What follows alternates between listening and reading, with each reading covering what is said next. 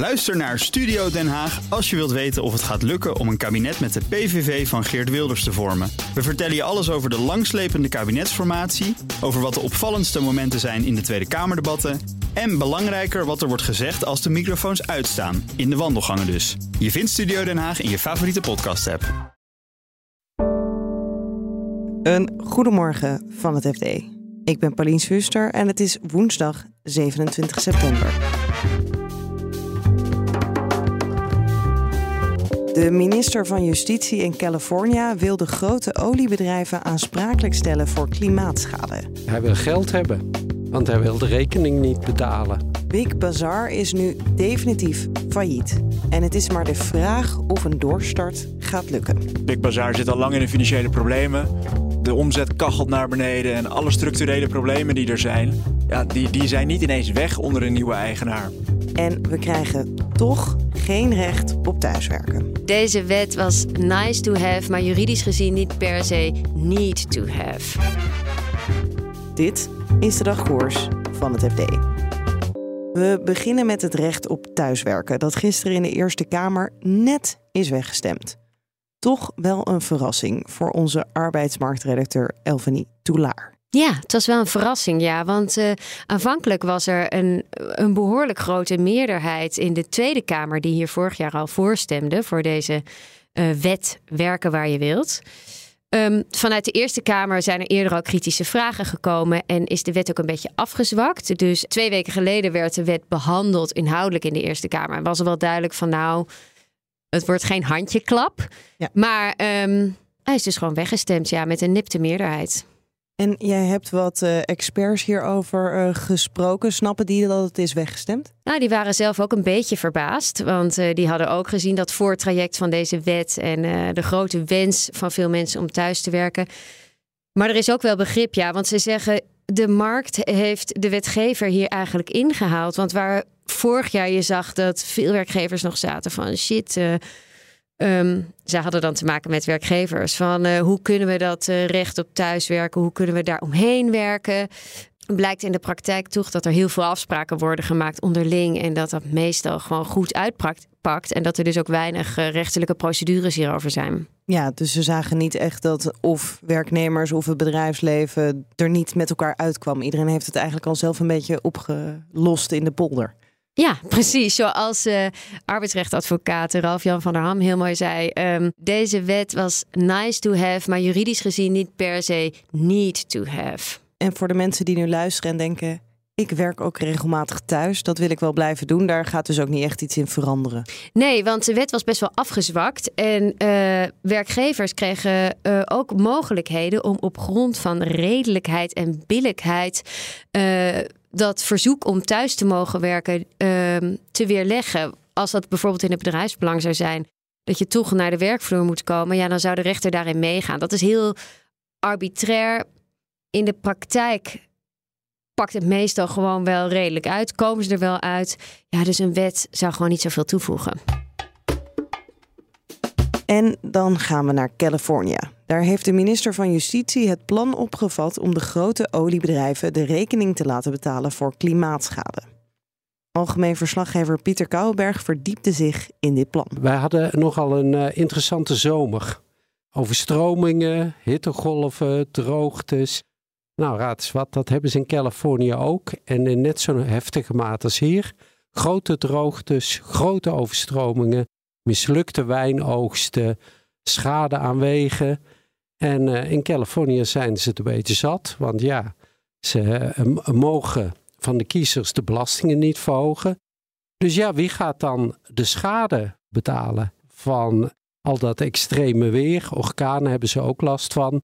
Nou, uh, in Californië heeft de staat gezegd, de minister, nou, wij niet, maar ik weet wel wie. De grote oliebedrijven.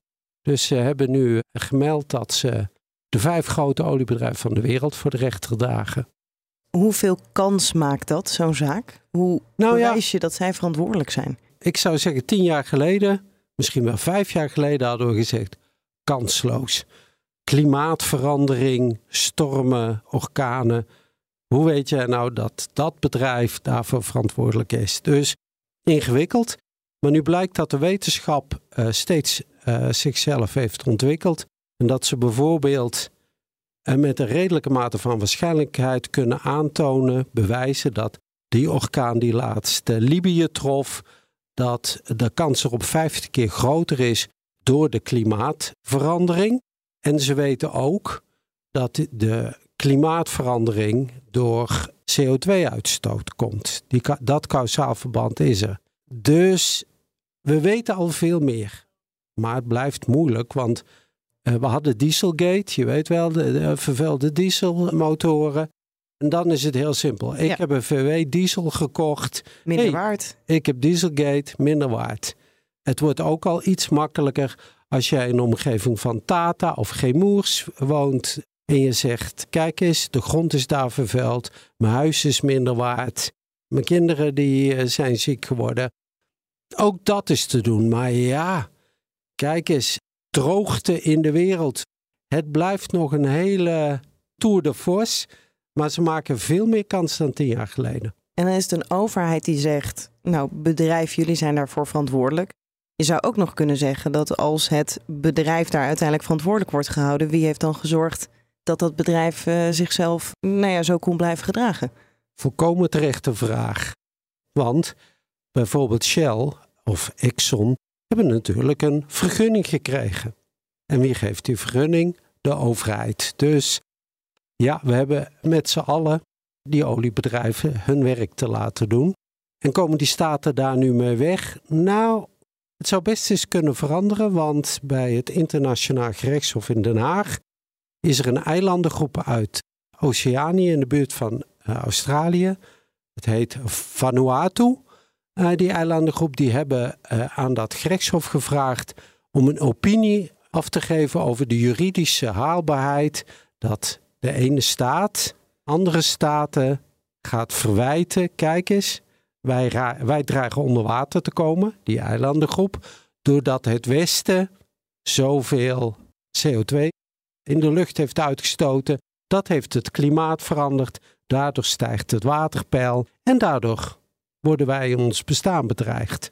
Dus ik ben heel nieuwsgierig wat het Hof uh, hierover gaat zeggen. En tot slot Big Bazaar. De koopjesketen is nu echt failliet. Je hoort van retailredacteur Jan Braaksma hoe het nu verder gaat. Maar eerst frist hij nog even je geheugen op. Big Bazaar heeft het al een tijdje aan de stok met allerlei verhuurders en leveranciers. Die betaalden ze niet op tijd. Ja, dan gaat er op een gegeven moment iemand naar de rechter en dat vonnis komt naar buiten. Dan begint het balletje te rollen. Ondertussen heeft Big Bazaar zelf een aantal keren geprobeerd tijd te krijgen van de rechtbank om te onderhandelen met de schuldeisers, zodat ze een betere financiële positie zouden krijgen en eruit zouden kunnen komen. Dat is drie keer afgewezen. De laatste keer was maandag. Toen had Big Bazaar wel uh, nieuw geld gevonden. Dus ze hadden geldschieter bereid gevonden om 2 miljoen in het bedrijf te steken. Alleen vond de rechtbank dat onvoldoende. Want je moet tijdens die onderhandelingen moet je aan je lopende verplichtingen kunnen blijven voldoen. Dus je moet je huur kunnen blijven betalen, de salarissen. Ja, en die 2 miljoen, dat, dat was gewoon te weinig om de, de rekening te betalen. Nou, en daarmee was het einde van Big Bazaar ja, wel erg in zicht. Want ze hebben van alles geprobeerd. En zelfs met een kapitaalinjectie komen ze er niet uit. Nou ja, toen hadden ze maandag zelf ook al min of meer de handdoek geworpen. En dinsdag is dat uh, bezegeld met een faillissementsuitspraak. Eigenlijk was de belofte dat maandag nog de salarissen zouden worden betaald, maar dat is niet gebeurd. Nee, dat klopt. Dat werd heel expliciet gezegd in allerlei communicatie, ook naar de media toe. Maar ik sprak de advocaat van Big Bazaar over en die zei: ja, nadat we dat gecommuniceerd hebben, hebben twee schuldeisers boze mail gestuurd met: ja, je kan dat wel doen, maar als jij uh, schuldeisers benadeelt in het zicht van een faillissement, heet Paulianeus handelen in uh, jargon, ja, en dat mag niet. Dus dan, dan ben je daarmee bezig. Hij zegt, nou, ik heb daar advies over ingewonnen. Want ja, als je in zekere zin zijn, is personeel ook gewoon een schuldeiser. Hè? Die moeten gewoon een salaris betaald krijgen. Ja, als je dan daar heel veel geld uit het bedrijf naar die mensen trekt, dan zouden andere schuldeisers kunnen betogen. Jij hebt dat ten koste van ons gedaan. Ja, en, en dat is linken. Dus toen hebben ze toch besloten dat niet te doen. Wat natuurlijk erg vervelend is voor het personeel. Want die dacht op maandag nog, nou ja, we zitten even safe. En op dinsdag bleken ze toch uh, de sigaar. Al, al gaat het UWV, die uitkeringsinstantie, wel uh, achterstallig loon betalen. En dan blijven ze dat ook nog maximaal zes weken doen na het faillissement. Maar ja, voordat het geld op je rekening staat, uh, ben je wel weer wat verder. En weten we welke schuldeisers uiteindelijk dwars hebben gelegen? Er gingen twee namen rond, dus ik heb er één van gesproken. En die ontkent het echt heel erg hard. Dus nou ja, we weten het niet zeker. Daar komt het meer. Wat gaat er nu gebeuren? Kunnen ze doorstarten of wordt gewoon het geld wat er nog over is verdeeld? Dat gaan curatoren bekijken. Die kijken allereerst van ja, hoeveel schulden zijn er, wat voor bezittingen staan daar tegenover. Moeten we het bedrijf nog een tijdje laten doordraaien om de voorraden bijvoorbeeld leeg uh, te verkopen? We gaan altijd op zoek naar een doorstarter, want er is niks makkelijkers dan het bedrijf gewoon doorverkopen en dan, ja, dan hoef je niet ondertussen een bedrijf te runnen als curatoren ook nog. Maar goed, het is wel de vraag of dat uh, gaat lukken. Want Big Bazaar zit al lang in de financiële problemen. De omzet kachelt naar beneden en alle structurele problemen die er zijn. Hogere huren, kosten van uh, personeel, überhaupt de malaise in de winkelstraat. Ja, die, die zijn niet ineens weg onder een nieuwe eigenaar. Ja, dat betekent ook slecht nieuws voor de schuldeisers. Want tijdens al die rechtszaken is ook al heel vaak gezegd: jullie zijn bij een faillissement veel slechter af dan bij een deal. Want ja, bij een faillissement uh, krijgen eerst de, de schuldeisers met zekerheden iets. Nou ja, dat is Mirage, de oud-eigenaar. En daarna komt bijvoorbeeld de Belastingdienst nog even langs. Ja, dan blijft er niks voor de rest over. Dus ja, de kans is groot dat er andere schuldeisers met, uh, met lege handen komen te staan.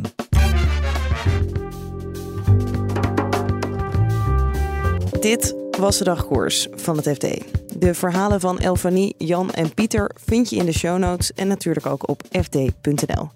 De nieuwste dagkoers die vind je morgenochtend gewoon hier in je podcast app. Vergeet je niet te abonneren, dan krijg je hem automatisch binnen. Nog een hele fijne dag en graag tot morgen. Bij BNR ben je altijd als eerste op de hoogte van het laatste nieuws. Luister dagelijks live via internet. Bas van Werven. En heel langzaam komt de zon op rond dit tijdstip. Je krijgt inzicht in de dag die komt op BNR, het Binnenhof in Nederland en de rest van de wereld. De Ochtendspits. Voor de beste start van je werkdag. Blijf scherp en mis niets.